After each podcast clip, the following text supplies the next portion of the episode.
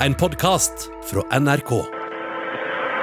Well, everyone, welcome aboard Dragon. Uh, my name is Doug. Next to me is uh, Bob. You probably know him. Denne uka så vi amerikanske astronauter bli sendt ut i verdensrommet med et privat romfartøy for aller første gang. Bob og Doug heter de, og 19 timer seinere kom de fram til den internasjonale romstasjonen i god behold. Station, this is the NASA administrator. Can you hear me? We hear you loud and clear, sir. Welcome to the space station. Men dette er bare starten, sier mannen bak det hele. For Elon Musk vil videre til Mars.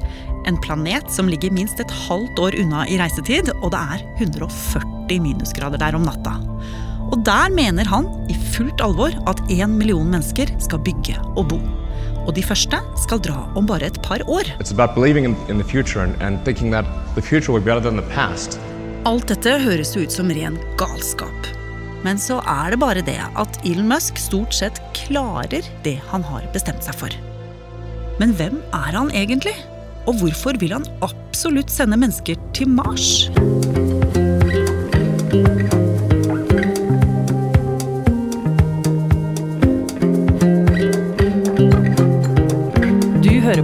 Oppdatert. Jeg heter Ragna Nordenborg. Five, four, three, two, one, zero. Ignition. Liftoff of the Falcon 9 and Crew Dragon. Go NASA. Go SpaceX. Godspeed. Spot dog. I helgen var vi vitne til at noe som mange trodde skulle gå skikkelig galt, faktisk gikk veldig bra. Og det var at et privat romfartøy, lagd av et privat selskap, de selv har skrudd sammen alt sammen og styrt dette her, for første gang sendte mennesker ut i eh, rommet. Halvard Sandberg er utenriksjournalist i NRK og romfartsentusiast. Og det ser jeg som starten på noe mye, mye større, for nå kan du gjennomføre ting som nasjonalstaten ikke var interessert i å gjennomføre, f.eks. å spille inn film i rommet med Tom Cruise. Det skal faktisk skje. Eller kanskje den første pornofilmen som Pornhub har dytta fælt på å få lov til å gjøre. Det starter en ny tidsepoke i romfarten. Jeg vil tro at kanskje du kan si ja, det var den oppskytinga der, og så alt som kommer etterpå, og så var det alt du hadde i forkant. Det er to forskjellige tider i romfartshistorien. Og mannen som står bak alt sammen, heter selvfølgelig Elon Musk. Oh, I'd like to just, uh, uh, yeah, uh, acknowledge the incredible work of the people at SpaceX and, and NASA and everyone in, in cre- uh, creating this technology. And in, uh, I think this is something that should really get people, I mean, right on the heart of anyone who is, uh, has any spirit of exploration. Og her hører vi jo Elon Musk eh, på pressekonferansen etter oppskytingen. Og eh, Halvard, han snakker jo veldig usammenhengende og, og rart. Virker veldig ukomfortabel her. Ja, han er kjempeukomfortabel, og det er klassisk Elon Musk. Når han snakker om eh, ting som andre har fortalt han at han må snakke om, typisk på pressekonferanser og taler, da glir det dårlig. Elon Musk ble født i 1971 i den sørafrikanske byen Pretoria. Familien beskriver ham som en liten tenker som satt mye med nesa ned i en science fiction-bok. Han fikk tidlig en datamaskin, og som tolvåring hadde han laget sitt første dataspill. Sånn høres det ut. The, the reason I started programming computers is because I like computer games. I, I learned that if I wrote software and sold it, then I could get more money and buy better computers. Men livet hans var alt annet enn hyggelig. Han har en enorm bagasje fra faren sin, som rett og slett bare mishandlet han psykisk i mange, mange år, ifølge Elon Musk selv. Og på skolen var det nesten like ille. Ilden skilte seg ut med sine geekete interesser og ble banka opp gjennom hele oppveksten av skolekamerater. En gang gikk det skikkelig galt. Mobberne kasta ham ned en trapp på skolen og tråkka på ham når han landa. Og Ilen endte med å ligge på sykehus i over én uke. De tøffe forholdene i Sør-Afrika gjorde at han ønsket å forlate hjemlandet. På college i USA beskriver vennene hans hvordan interessen for data og teknologi overstyrte det meste annet. Når det var fest hjemme, kunne studievennene finne ham på rommet foran datamaskinen, mens alle andre var i naborommet og festa. Men selv om han var en talentfull akademiker, hoppet han av en ph.d. på universitetet for å starte opp firma med broren sin. Han er med i eh, den første sånn dotcom-bølgen, og starter opp eh, en del selskaper, og så ender opp med det som skal bli betalingstjenesten PayPal. Selger seg ut av det, og sitter da plutselig med en stor bøtte med gull som han kan bruke til et eller annet. Han bruker noe av det, kjøper en sportsbil som han krasjer første dagen, men resten av millionene kan han da gjøre noe fornuftig med, har han sagt. Og da begynner han å se hvordan kan han forandre verden. Så på begynnelsen av 2000-tallet bestemmer Elon Musk seg for å gjøre to store ting samtidig. Det ene er å starte opp elektrifiseringen av bilparken i verden, altså startet Tesla som et symbol på at elektriske biler er noe kult og tøft, og noe som kan føre til at det skjer. Det andre er å redde menneskeheten, redde sivilisasjonen, med å få til en koloni på Mars. Men hvorfor får han den ideen? Det opplagte for eh, Elon Musk var at menneskene måtte bo på en annen planet enn jorden også. Mhm, Hvorfor det? Fordi at jorden kommer til å bli ødelagt. Og det kommer til å komme en katastrofe. En eller annen dag så kommer det en katastrofe som kan utrydde alle mennesker. Det er helt sikkert at det kommer. Og det vet Elon Musk. Han vet ikke om det kommer om ti år eller om tre millioner år. Men hvis vi bor også på Mars, så blir ikke menneskeheten utryddet. Sivilisasjonen blir ikke utryddet. Og han eh, sier 'jeg syns sivilisasjonen er verdt å ta vare på', sånn stort sett. Og hvordan er det han tenker han skal få til det her? Hva er det han gjør først? Han tenkte ganske dypt på det, og så fikk han den ideen om at hvis menneskeheten fikk se grønne planter vokse på Mars, så ville det tenne et ønske om å bosette seg på Mars. Og måten han skulle få det til på, var å kjøpe russiske atomraketter og legge små automatiserte drivhus i lasteseksjonen, sende de til Mars, overføre på TV at disse plantene vokser. Men russerne bare lo han, og på veien tilbake igjen fra Russland så bestemte han for at jeg skal bygge rakettene selv.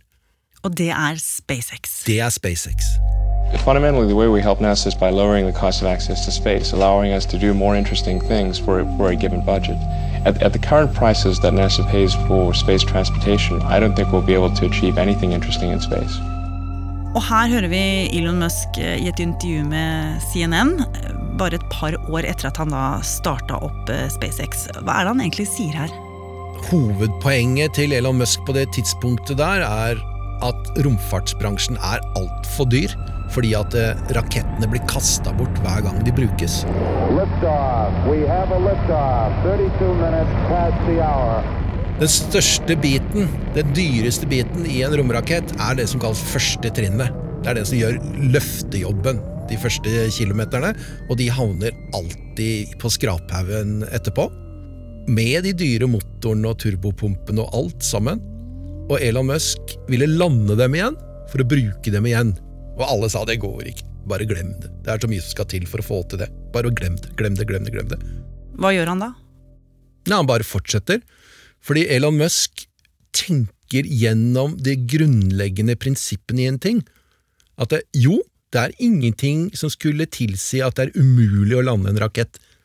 Du bare må løse det og det og det og det og det teknologiske problemet, og hver enkelt av de problemene går det an å løse ved å løse det og det og det og det problemet. Så han har 40, 50, 60, 100 enkeltingeniørproblemer som må løses for å få det til, og hver av dem er ikke umulig. Da gir ikke Elon Musk seg. Og han fikk med seg de skarpeste unge hodene i bransjen som flokka seg til Elon Musk, for de ville gjøre det samme. De ville bygge raketter. De ville få til noe nytt i en romfartsbransje som var stagnert.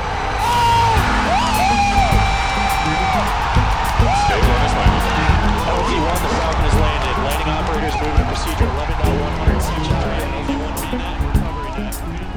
11.100 I desember eh, 2015 så greide han det. Da landet første steget til Falcon 9-raketten vellykket. Det skjedde i Florida. Og det var en fantastisk video å se der over 60 meter høye pinnen lande på bakken. Jeg har aldri sett noe slikt noe før. Og jeg bare prøver å si se, se, se, se. Se hvor stor den er. Tenk deg hvis rådhuset plutselig kommer fra rommet og bare klakk! Lander på rådhusplassen. Ville du blitt litt overrasket da? Ja, ja. Og det er omtrent sånn, altså. Please join me in welcoming Elon Musk. Og året etter, i september 2016, så forteller Elon Musk verden eh, helt sånn konkret hvordan han skal sende mennesker til Mars. Really uh, Mars seem possible, uh, make it seem as though it's something that we can do in our lifetimes, um, and that you can go, and that anyone could go if they wanted to. I think that's that's really the important thing. Hvorfor akkurat Mars? Fordi Venus, som er nærmere sola enn oss, er altfor varm. Månen, som er det nærmeste, har ikke de riktige ressursene til å ha en menneskelig koloni. Og da er det Mars, da, som er vår nærmeste planet utover i verdensrommet, som er valget. Det er egentlig ikke noe annet. Og så er det selvfølgelig i all science fiction-litteraturen som Elon Musk har lest, så er det jo kolonier på Mars. Så det er ikke noe spørsmål om noe annet. Men det er jo veldig kaldt der, det har vi jo lært. Og oksygen, det finnes vel ikke? Det er veldig kaldt, og oksygenet er bundet i stein eller i karbondioksid i atmosfæren, så alt må jo ordnes sånn teknologisk. Det er jo ikke å dra til Mars og sette en plog i bakken og så vente på at du får grønne bønner. Det vil ikke skje. Du må ordne det teknologisk, og det er, Mars er et kjipt sted. Ja. Skikkelig kjipt sted. Altså, så- hvordan da? Nei, det er eh, Overflaten er giftig, og det er støv overalt. Og det er eh, masse stråling og ikke noe liv. Ingenting. Det er et skikkelig ille sted. Tenk Antarktis ganget med ti i sånn ugjestmildhet. Da har du Mars. Men det er et sted det går an å gjøre noe med. Og du vil grave deg ned i bakken først og bo i huler. Og så etter hvert så vil du lage sånne kuppelbyer, at du har store kupler over byer, og da begynner det å ligne noe. Da har du parker og trær og biler og trikker, og, og så er det morsommere på Mars. Det sier Elon Musk. Det er gøyere på Mars, fordi det er mindre gravitasjon, så du kan jo hoppe mye høyere, og du kan spise hamburgere til hjertens lyst uten at skjelettet blir overbelastet, og det er massevis av ting du kan gjøre når du ikke veier så mye. Ja, men, men eh, det der med gravitasjon høres gøy ut. Men bortsett fra det, så vil jeg jo heller være på jorda. Så hva er poenget med å dra til Mars, når du kan være på jorda? Ja, Hvis jorden blir utsletta, da har du ikke noe jord. Og det er det Elon Musk tenker på. Kommer det en stor komet eller asteroide som vil ødelegge jorden, så må vi være et annet sted hvis menneskene skal eh, overleve. Det er slik han tenker. For den steinen, den kometen, den kommer en eller annen dag. Ja, jeg skjønner. Og da kan det være greit å ha Mars som backup-plan. Og si at han eh, får det som han vil, dette skjer. Hvordan skal det gjøres og gjennomføres og få til en eh, koloni der? Vi mennesker har jo mye erfaring med kolonisering, men det som er forskjellen på Amerika på 1400-tallet og Mars, er at eh, de som dro til eh, Amerika, de kunne gå ut og så skyte en bøffel, de kunne skaffe, fiske en fisk, de kunne skaffe seg ting der. Alt var der. Men her må du ta med deg alt. Og så må du bygge stein på stein på stein på stein, en stadig mer avansert industri som kan holde deg i live. Inntil det skjer, så er du avhengig av etterforsyning fra jorden, og ikke lite av det. Så hele tiden så må det være en strøm av forsyningsraketter og romskip som går til Mars, og noen må betale for det.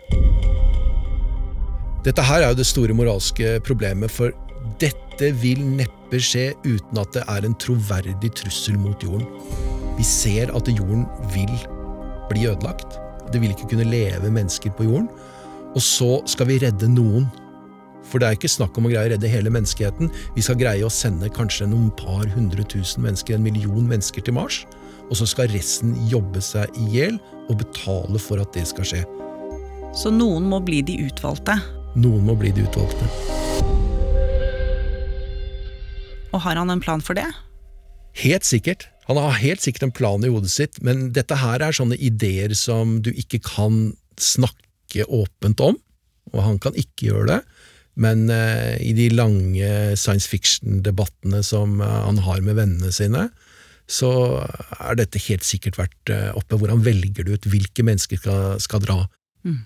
Han vil at dette skal skje uansett, selv om vi ikke har en truende katastrofe, en sikkerhet at jorden vil bli ødelagt, og at vi må velge ut de som skal overleve.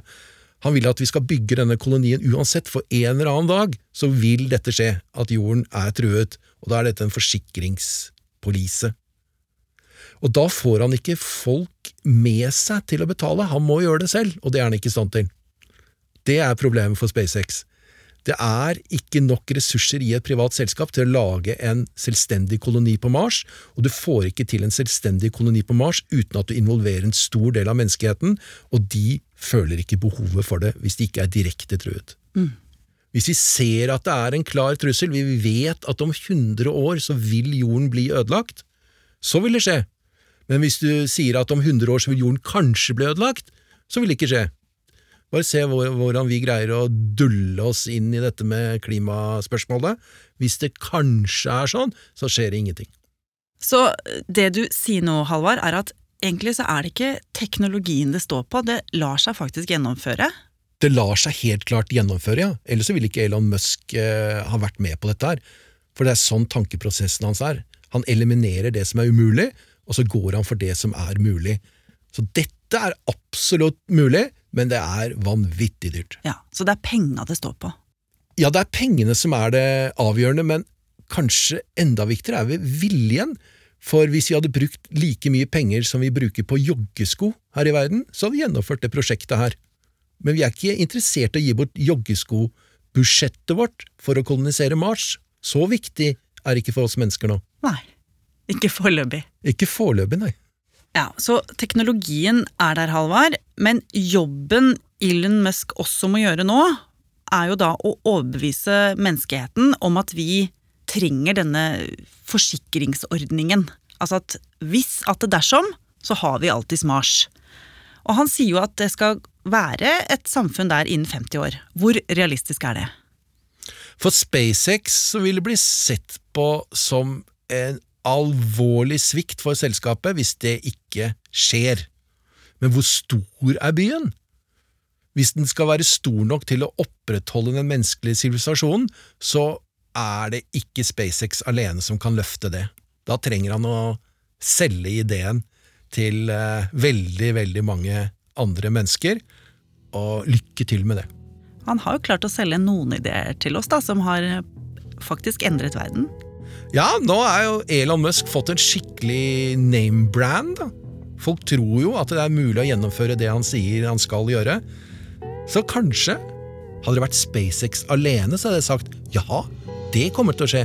Jeg tror at SpaceX når Mars, og at de vil ha folk levende boende på Mars, men ikke en fungerende selvforsynt by. Det er en for stor burger for at Elon Musk kan greie å svelge. It's about believing in, in the future and, and thinking that the future will be better than the past. Um, and I can't think of anything more exciting than going out there and being among the stars. That's why.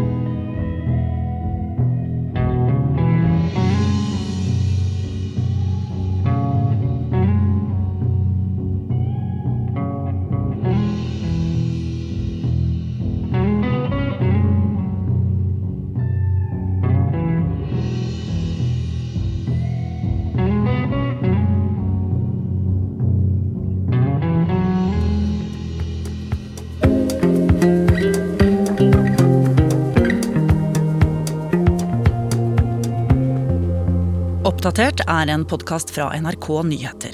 Og hvis du ikke vil gå glipp av neste episode, så kan du abonnere i appen NRK Radio. Bare søk på Oppdatert, så finner du oss. Denne episoden var laget av Petter Sommer og meg, Ragna Nordenborg. Vil du kontakte oss, gjør det på oppdatert krøllalfa nrk.no. Du har hørt en podkast fra NRK. Hør flere podkaster og din favorittkanal i appen NRK Radio.